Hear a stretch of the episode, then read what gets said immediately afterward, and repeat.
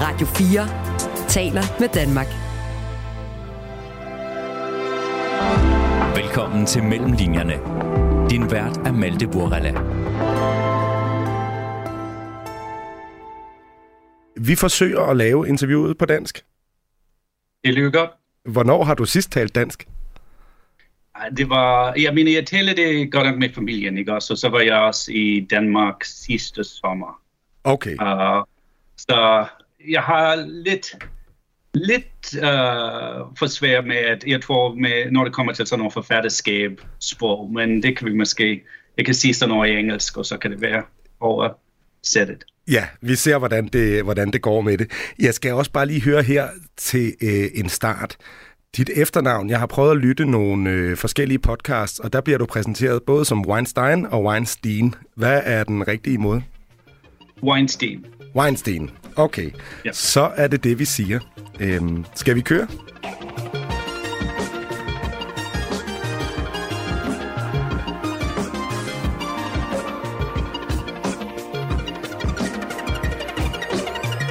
Alexander Weinstein er født og opvokset i USA med en dansk mor. Han begår sig inden for genren spekulativ fiktion, en slags science fiction, der beskriver, hvordan den teknologiske udvikling påvirker samfundet og dagligdagen for helt almindelige mennesker i ikke alt for fjerne fremtider. I 2016 debuterede han i bogform med novellesamlingen Children of the New World. Bogen kom på New York Times liste over Notable Books of the Year, ligesom National Public Radio hyldede den som en af årets bedste bøger. Den udkommer nu på dansk med titlen Efter Yang. Bogen deler titel med filmen After Yang, som er baseret på en af novellerne i bogen. Filmen, som har Colin Farrell i hovedrollen, havde premiere på Filmfestivalen i Cannes i 2021. Og i efteråret kunne man så opleve den i biograferne herhjemme. Velkommen til Mellemlinjerne, der i dag blandt andet handler om teknologiforskrækkelse og fremtidsdystopier. Jeg hedder Malte Vorela.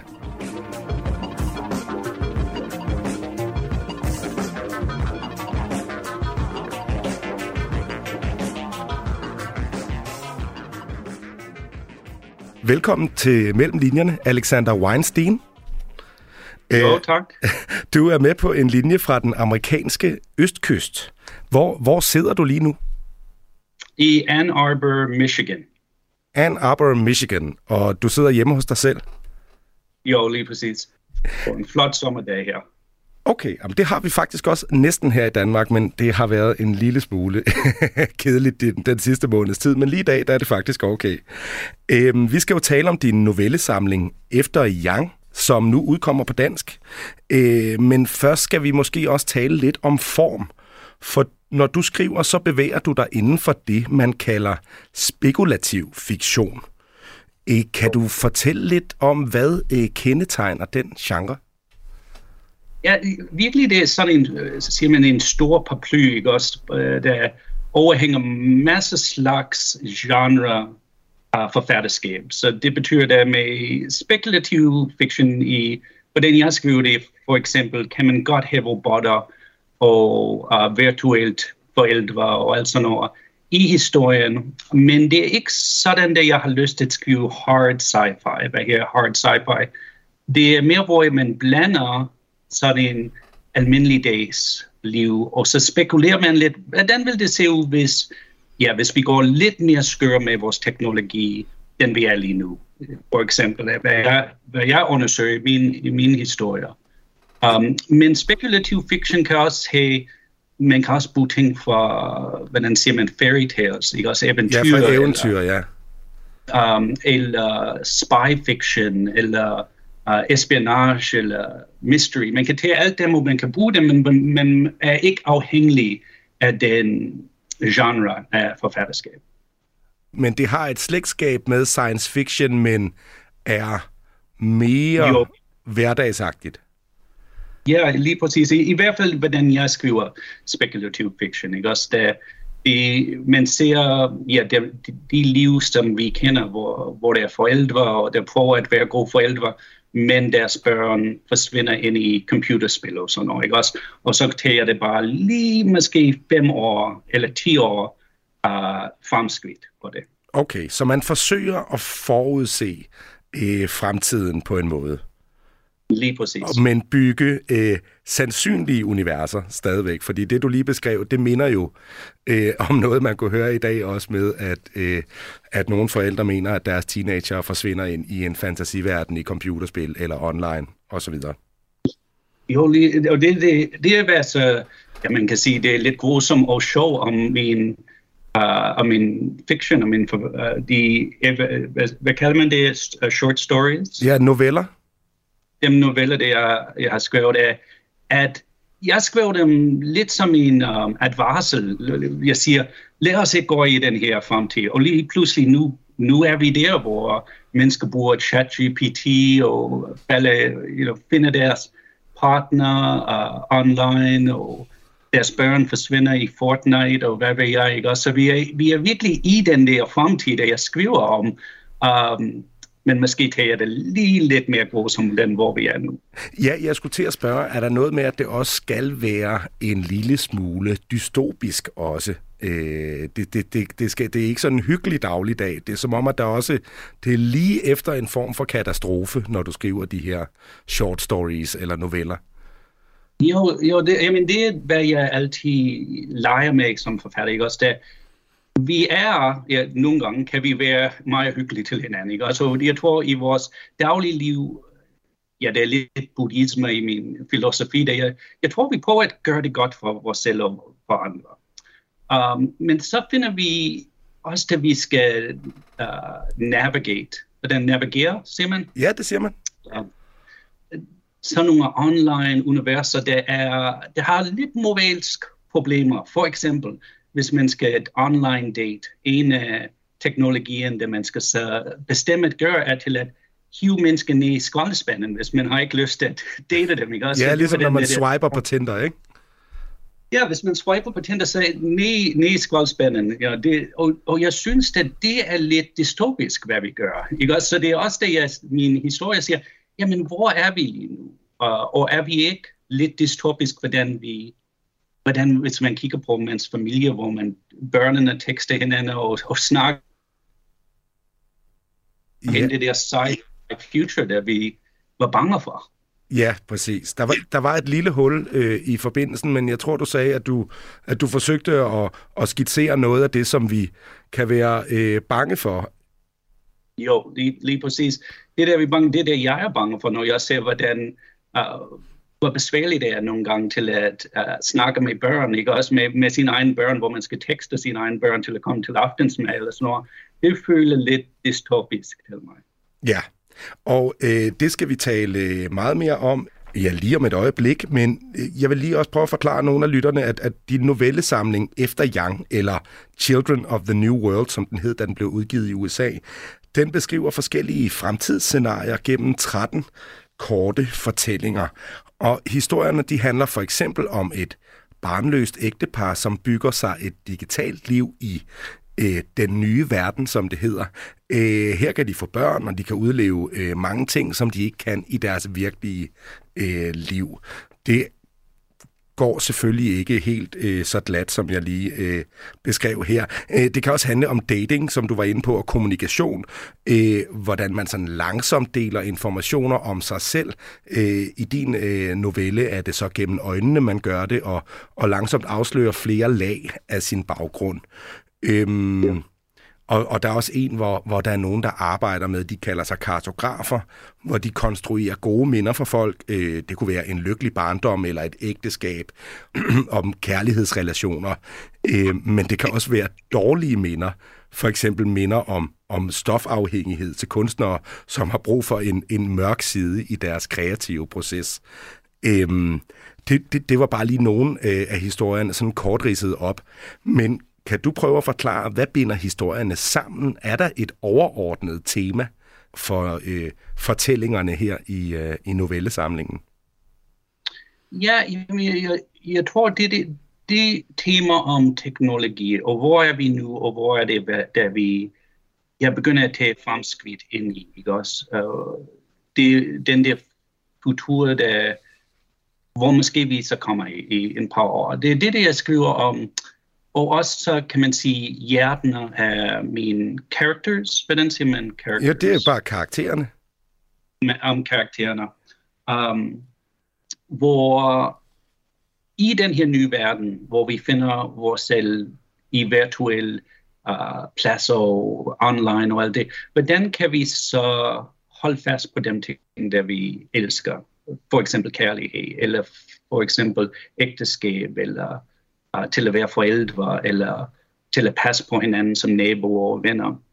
Um, så det, det, øh, jeg undersøger det med hjertet, kan man næsten sige. sige hvordan, hvordan kan vi have det godt i den her nye verden, og, og hvordan knokler vi med det? Uh, og jeg vil også sige, det, det titlen Children of the New World, uh, der så bliver oversat til efterhjælp, jeg har også tænkt om børn, da vi på en, på en form er vi alle sammen børn igen i den her nye verden af teknologi. Ikke? Også vi, er, vi er så glade for vores nye ting, næsten som legetøj. Ja. Uh, men hvad, hvad sker til os? Ja, hvad, og hvad sker til vores børn med alt det? Så det er sådan nogle spørgsmål, der er, er i temaen. Okay. E, og, og hvordan får du idéerne til de her øh, historier? Er det noget fra din dagligdag, der bare lige får dig til at, at tænke, øh, nå, det kunne da være, at man lige kunne øh, skrue på nogle knapper, skrue lidt op for, for, for, for dystopien, og så har du en fortælling, eller er der noget særligt, du, du lægger mærke jo. til i samfundet, som ansporer dig til de her fortællinger? Absolut, som du siger. Det masser gange kommer fra min liv, ikke også, hvor jeg, uh, for, for eksempel, uh, efter Yang, den historie handler om en robot, der malfungerer, og så en far, der prøver at reparere den her robot, der var deres søn på en mor. Han var en babysitter til deres, uh, deres datter. Men over tid her har den her far kommet til at tænke om den her robot som sin søn. Ja. Så, så hvor kom den historie fra? Vel, det var, da min laptop crashede. Ikke? Også den, den gik i, i stu. Og, ja. og, og så begyndte jeg at greje over min laptop, fordi jeg havde en masse fortællinger der, og sådan noget, men jeg også grejede over, fordi den, ja, det var den laptop, jeg havde i college, og den laptop, hvor jeg skrev min første published story og sådan noget. Og så så jeg mig selv, det jeg kvejede over teknologi. Og jeg synes, det var virkelig mærkeligt, da jeg havde sådan en hjerteforbindelse med min teknologi.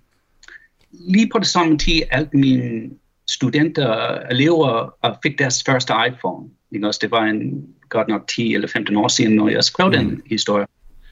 Og de alt begynder at sige, jeg, jeg er forelsket. I love my iPhone, vil de sige. Jeg er forelsket med min iPhone. Det første ting, jeg kigger på, når jeg vågner op, og sidste ting, jeg kigger på, når jeg går i seng. Og det var næsten som de snakkede i uh, love poetry om deres iPhone. Ja.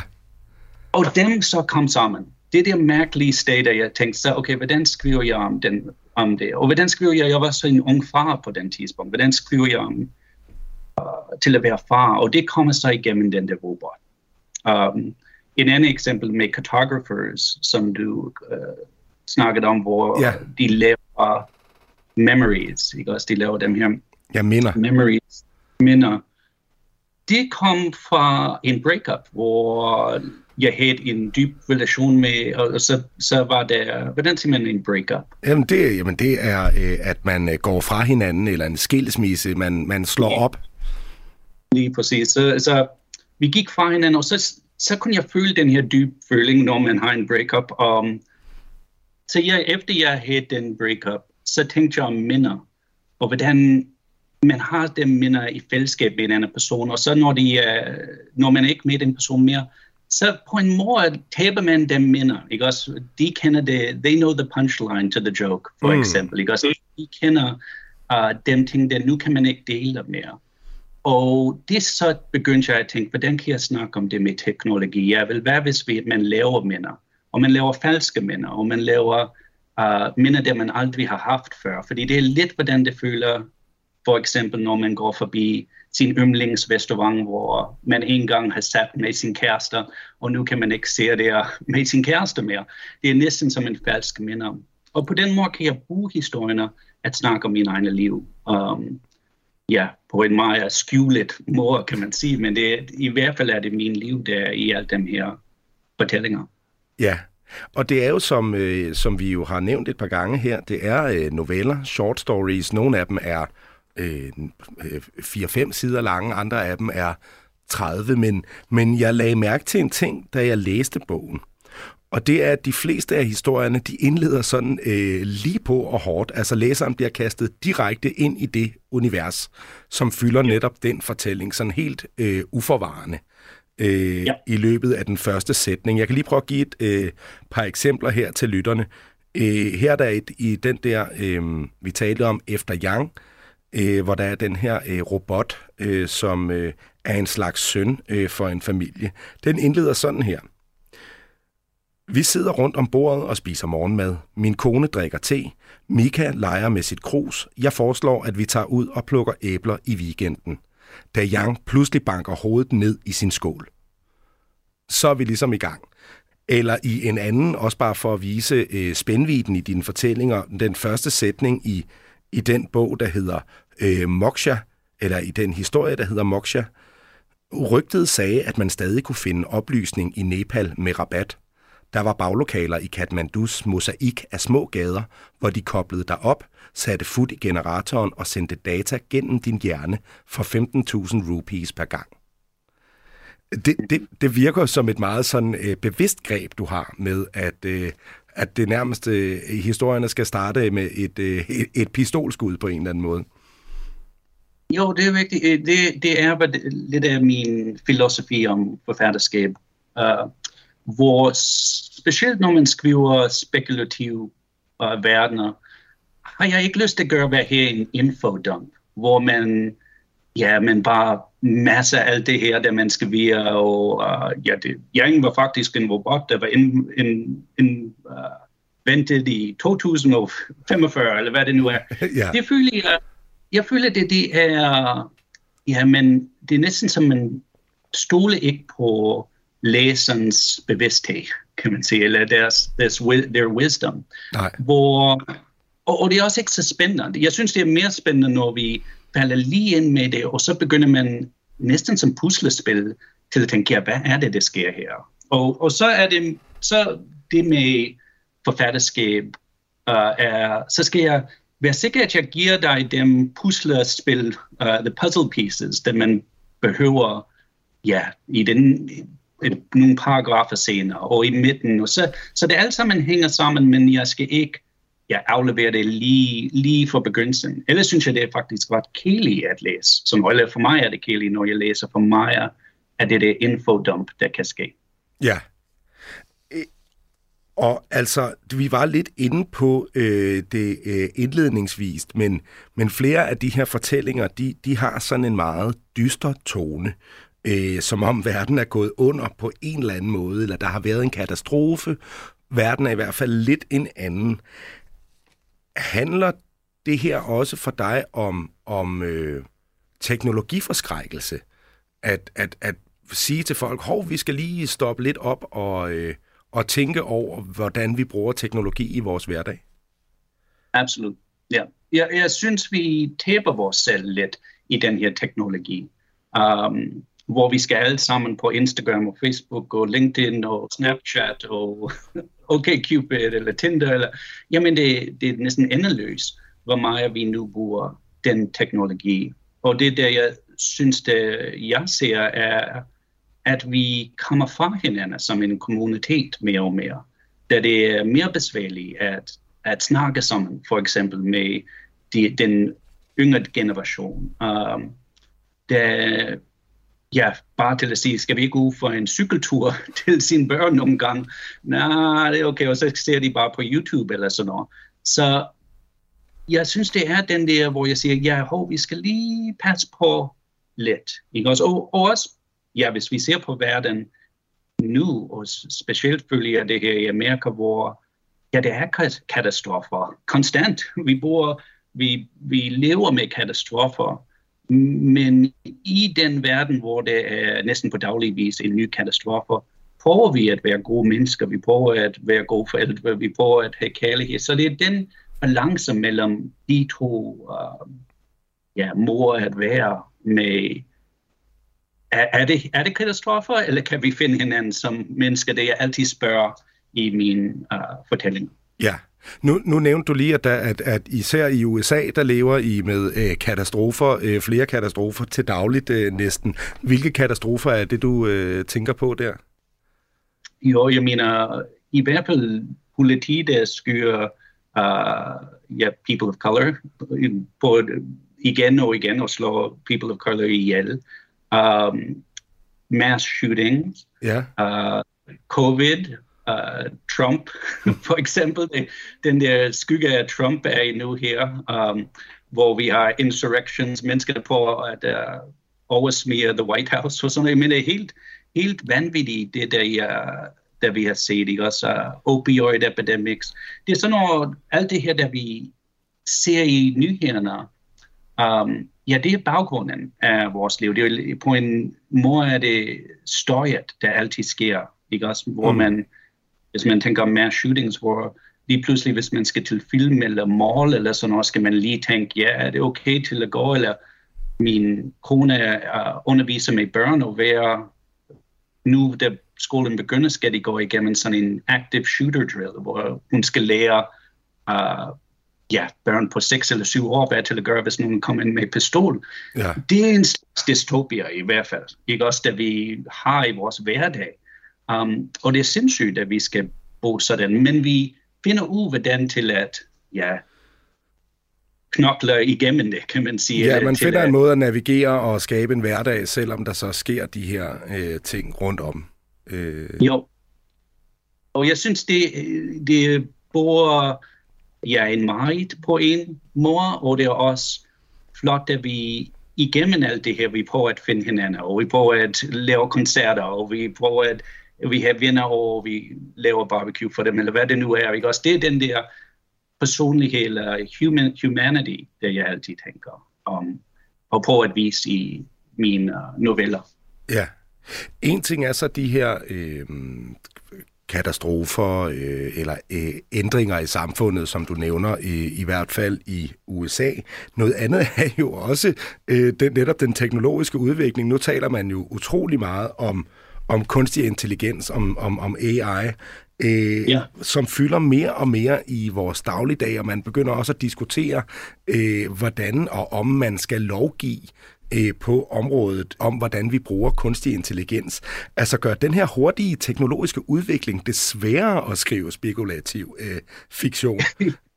Nej, lige præcis. Det er det, der jeg griner om, hvor jeg siger, snart skriver jeg bare realism, eller realist, realistic uh, forfatterskab. Det er helt vildt, da det, jeg skriver om, og, og det, der jeg har sagt, lad os lige vente, og ja, vi bare går ja, helt, you know, full steam ahead ind i den verden. Ja, Um, og det der med AI, det er som vi bor inden for en spekulativ historie lige nu, uh, en spekulativ noveller.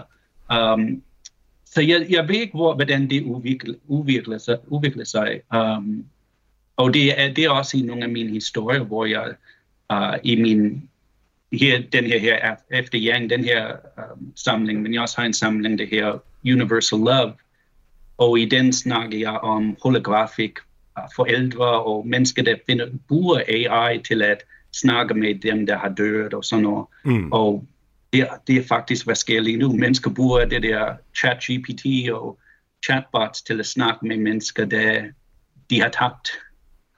Og hvad gør vi med det? Det, det er helt noget mærkeligt noget. Vi er, vi er i hvert fald i en ny verden, der vi har ikke helt forstået endnu, men vi, vi går meget hurtigt ind i den fremtid. Ja. Ja, og, og, og i forlængelse af det, altså øh, din bog her, øh, Efter Yang, som udkommer her på dansk, den udkom jo øh, første gang i USA som Children of the New World øh, i 2016. Nu er der ja. Gået syv år, og det kan jo være farligt at spå om fremtiden, fordi at man risikerer at, at få ret. Altså er der nogle steder i bogen, ja. hvor du tænker, hov, der er vi jo nu, altså jeg, jeg fik ret. Jo, jo, jeg mener, nu, i den der efter Yang har vi robotisk børn, ikke også? Ja, men nu har de godt nok eh, seks robotter i Japan, hvor man kan gå til en, uh, man kan gå til sådan en, jeg ved ikke, hvad man kalder det dansk, men en brothel. Nå ja, et Ah, bordel. hvor- En bordello med seks robotter. det, er, det er sindssygt, det er helt vildt. Ikke? Også, um, jeg tror, at i en af historierne, synes jeg, at måske det værste, der kunne ske, var, da George Bush ville være reincarnated. Man kunne reincarnate i en ny krop, så George Bush ville være uh, præsident for evighed, fordi han var i en sådan en klonet krop. Ja. Det synes jeg var det værste, men jeg, det, det var, hvor jeg ikke fik det vart, fordi jeg tænkte ikke langt nok, da det ville være Trump. Så det, det har vi så jeg tror, vi har forandret det i uh, det danske version, hvor vi har lavet George Bush ind til Trump, for eksempel. Præcis. Så det er nogle gange, når man skal lige fikse sin, uh, sin, from, Ja. sin uh, what do you call your visionary uh, Ja, outlook. præcis. Men hvis vi øh, bliver ved den her øh, øh, novelle, der hedder Efter Yang, så kom der jo i 2021 en filmatiseret udgave af, af den her øh, novelle. Come on, Yang. What are you doing? Come, come on.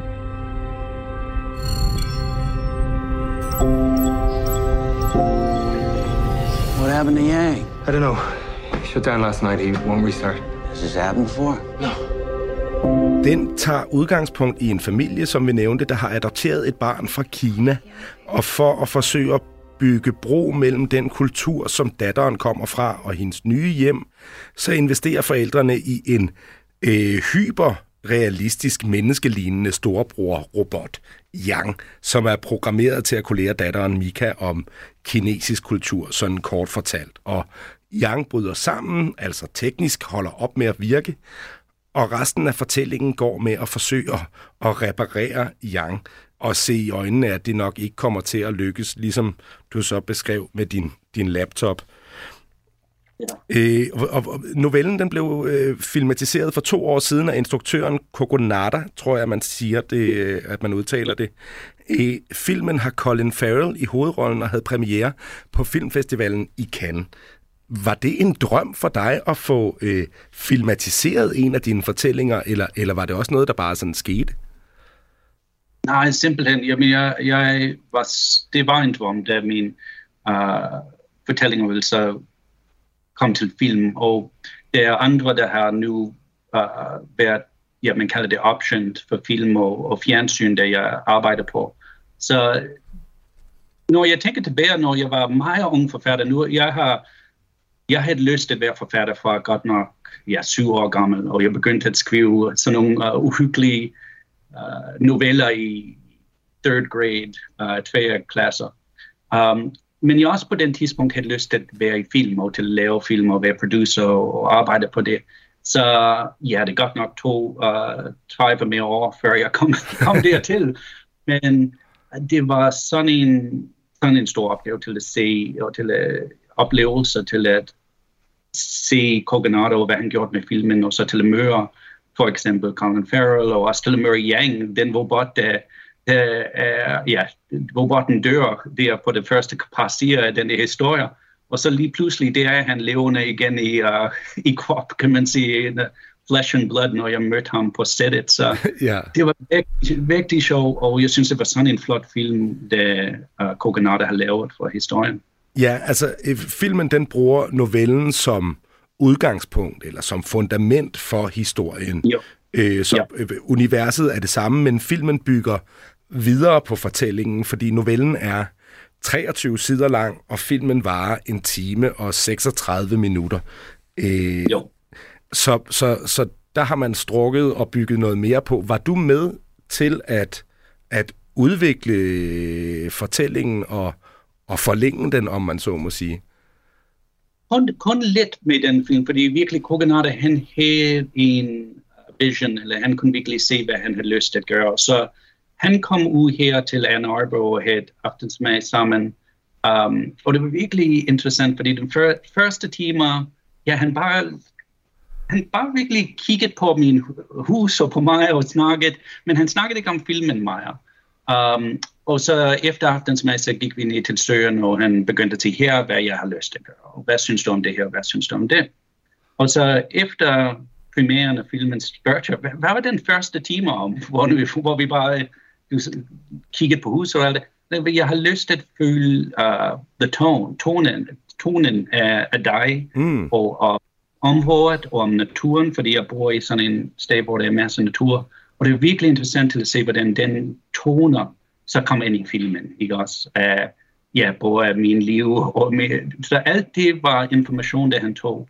Um, og så med hensyn til, hvad han havde lyst til at bygge op med det, der var nogle ting, der man ikke sikker på, hvor han spørger, synes du det her for mig? Og jeg vil sige, ja, det er faktisk, jeg synes det var for mig, og det kom ikke i filmen. De andre, de andre ting, han byggede på, synes jeg var helt fantastisk. Så jeg sagt, du ved, hvad det gør.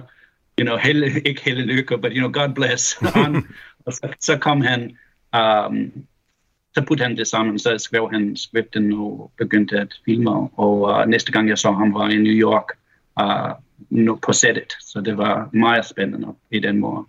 Ja, det kunne jeg forestille mig, altså fordi det er jo en... Øhm, altså bogen, den, den varer som sagt de der 23 minutter og handler om, øh, at den her robot, ja, den bryder sammen, og man forsøger så at, at, at se, om man kan få vagt den til live igen.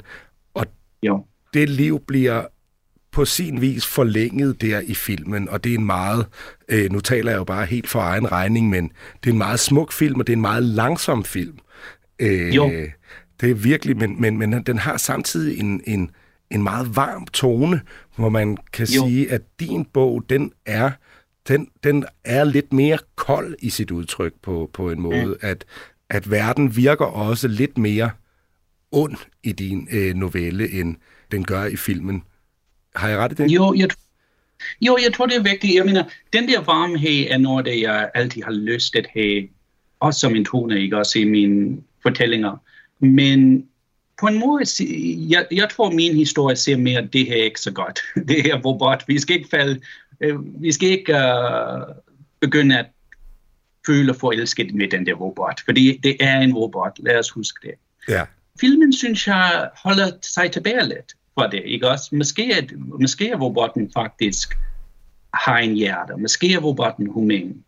Um, og på den måde er kritikken ikke der så meget. Man kommer ud af den film, jeg kommer ud af filmen og, og grejer over, hvor barten der dør, ikke også? Jo, jeg præcis. føler, hey, stakkels Yang, ikke også? Og han var sådan en god lille dreng.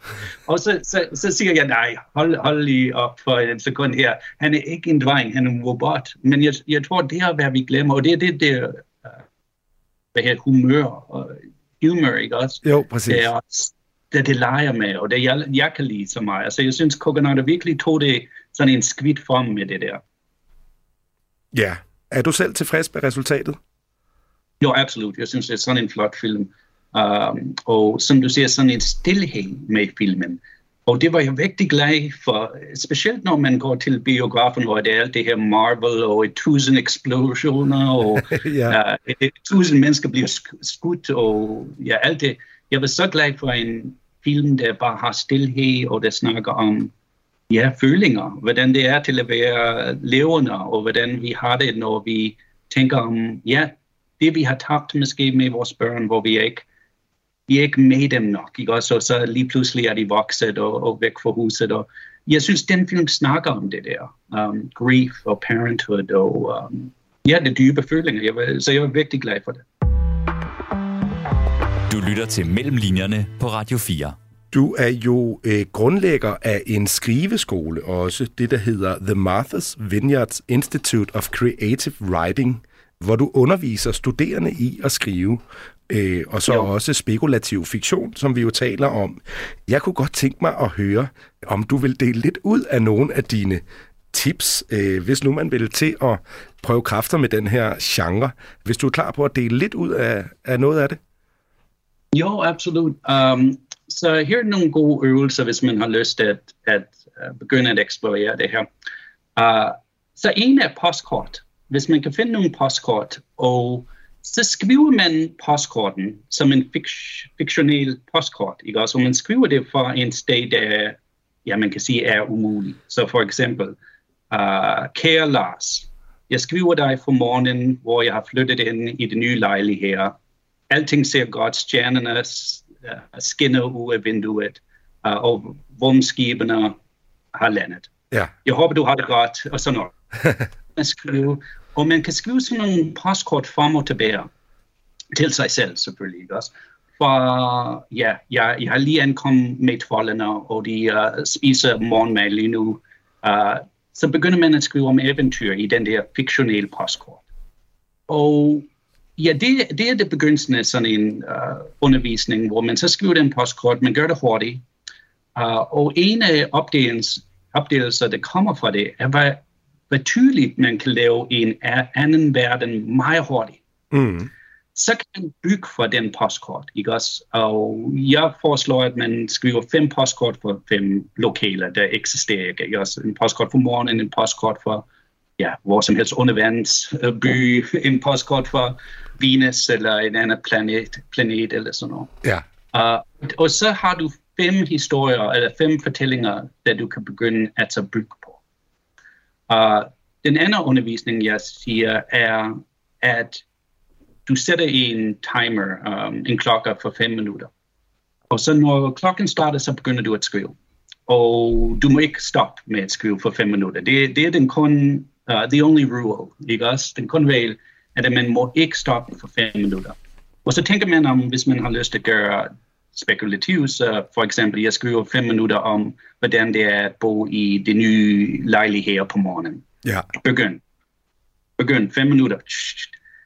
Og så når klokken stopper, så kan man løfte uh, blyanten.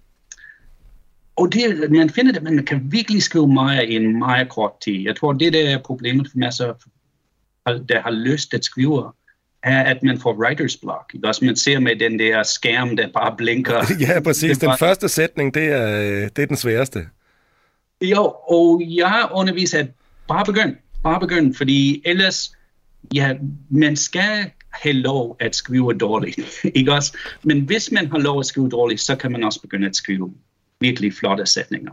Men jeg tror, hvis man altid holder op, at det skal være den flotte sætning for lige fra det større, ja, men så vil jeg være bange med at begynde at skrive, hvis det var sådan over for mig. Så det er to undervisninger, der jeg giver, hvor vi så skriver i klassen og begynder at have ja, helt succes med, jeg tror, med forfatterskab og med noveller fordi man har ikke den der pres eller den der stress over, det skal være perfekt. Nej.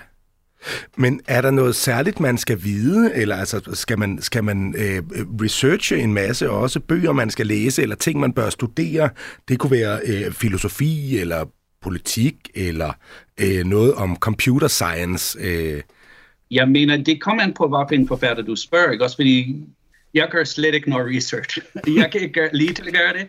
Det research, jeg gør, jeg mener jeg faktisk, jeg har en iPhone 6, ikke også? Det var gamle days, jeg, jeg, jeg har en, det, så jeg er meget, hvad her man, neophyte, eller, uh, ja, jeg, jeg, jeg studerer ikke teknologi, faktisk, jeg bumler igennem teknologi og laver masser af fejl til, og kan ikke finde ud, hvordan til at bruge en ny app.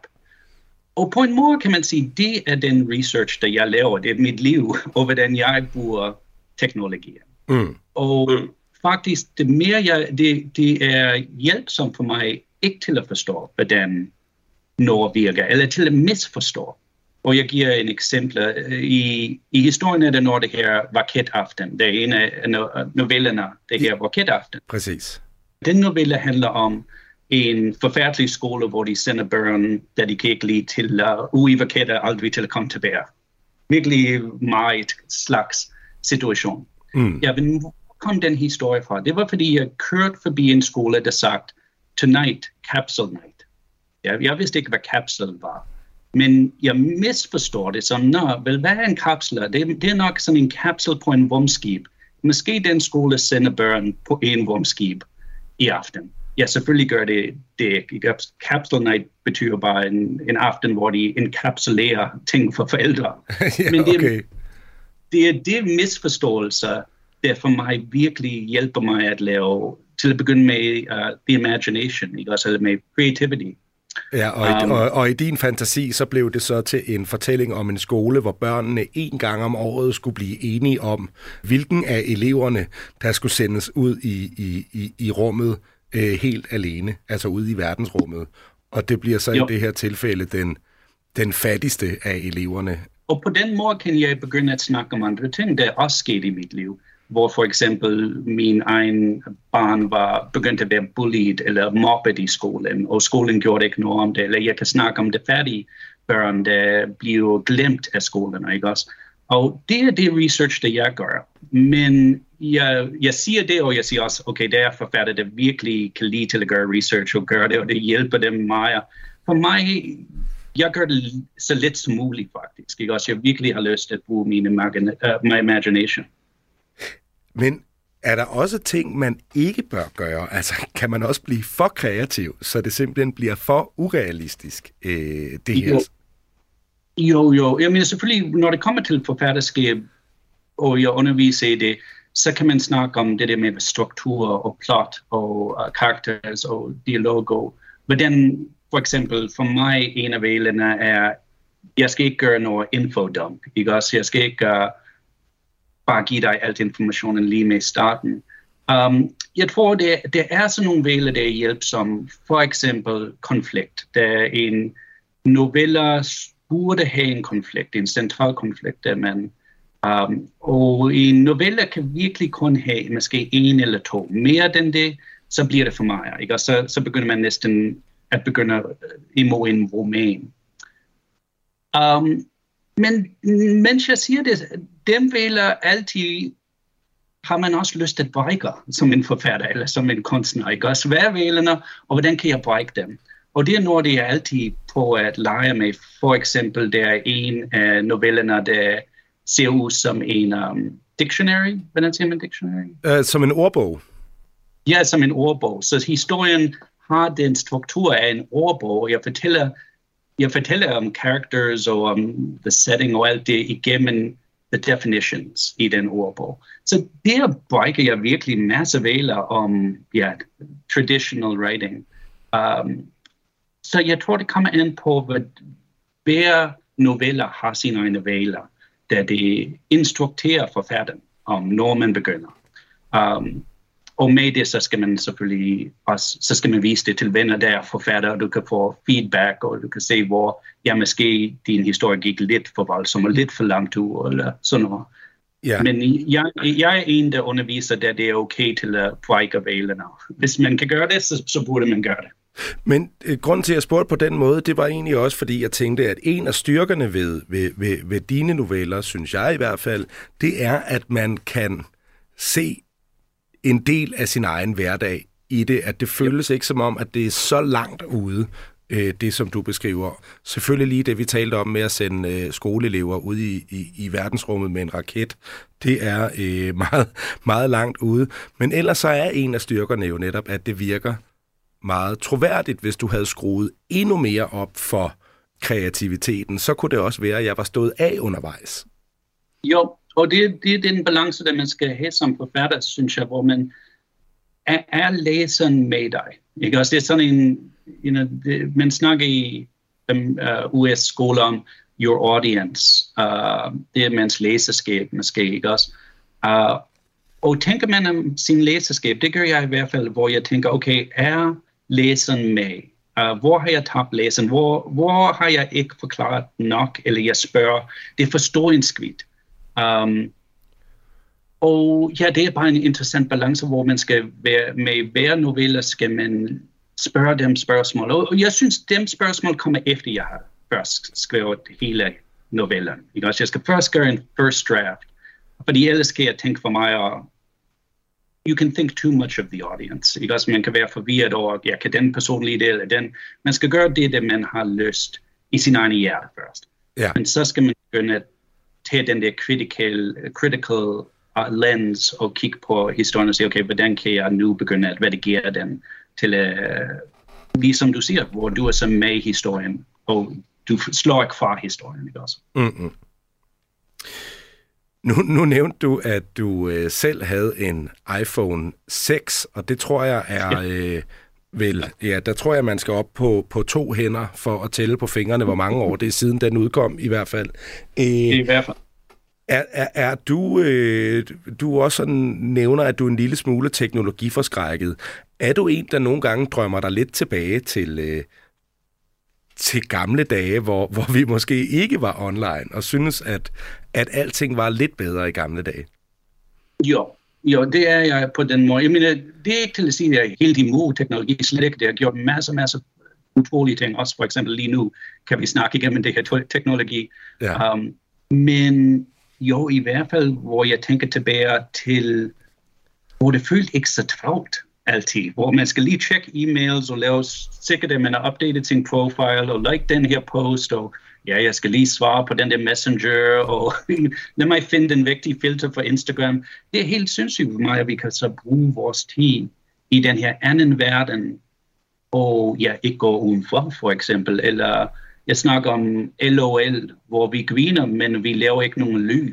Ikke også? jeg synes, det, jeg synes, det er lidt, lidt af en skam, hvor vi så har ikke den der samfundhed, der, der vi har. Så jeg, jeg kigger tilbage i hvert fald, det er nogle gange, jeg tænker om til at gå tilbage til landlinjer, ikke også, hvor man havde en answering maskine, og så kunne man være væk fra telefonen for en par timer. Um, og jeg tror, nu ser vi det, specielt hvis man er en forældre, øh, en uh, mor eller far eller sådan noget, da det er irresponsible. Hvordan kan man gå væk fra sin telefon, eller ikke give sin børn en telefon? Det skal de have. Det tror jeg ikke er sandt. Vi, der var en tid, hvor vi kunne bare cykle rundt og komme tilbage fra aftensmad, og det var okay. Ikke noget skete. Så jeg, jeg i hvert fald synes, vi skal have mere balance, end vi har nu. nu.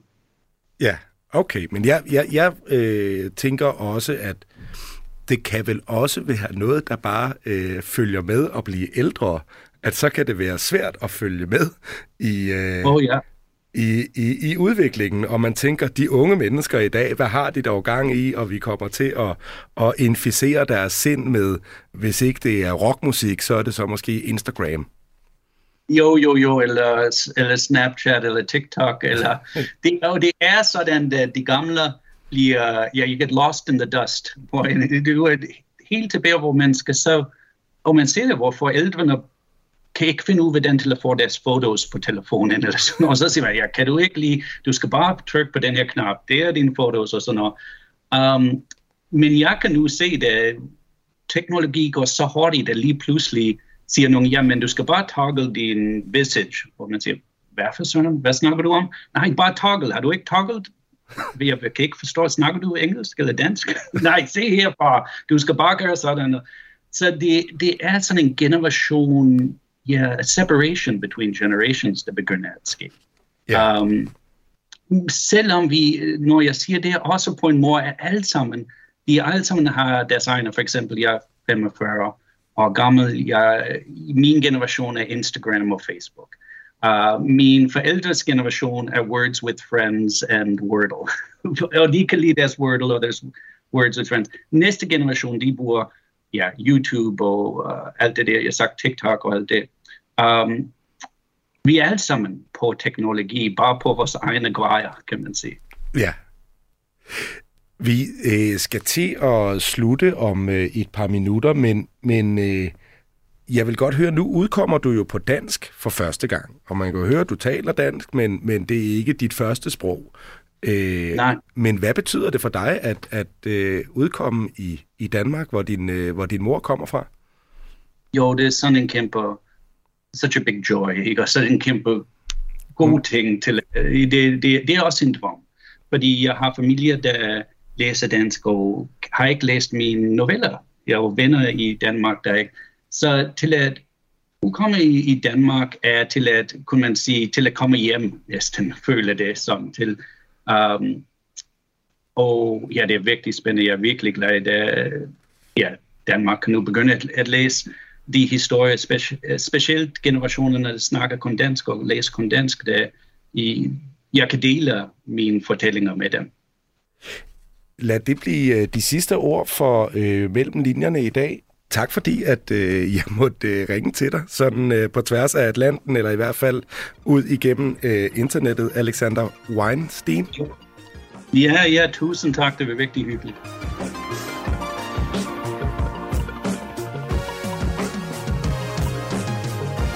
Alexander Weinsteins novellesamling Efter Yang, den er netop udkommet på dansk fredag den 18. august på forlaget Café Monte, og den er oversat af Mads Bunk.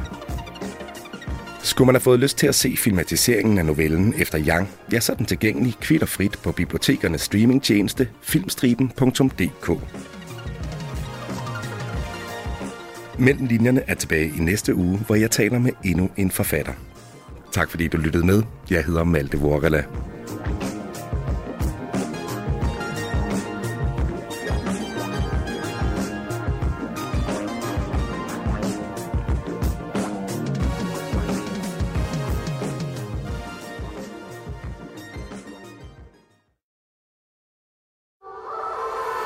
Musik er en hurtig genvej til at komme ind bag facaden. Hvis man skal sige essensen af, hvem er jeg, så er det de samme. Ind bag den offentlige person. De synger også irriterende godt. I Portrætalbum bruger Anders Bøtter musikken til at vise nye sider af sine gæster. Gita Nørby, Tim Christensen, Sofie Gråbøl, Anders Akker, Allan Olsen. Både dem, du er fan af, og dem, du ikke troede, du havde noget til fælles med.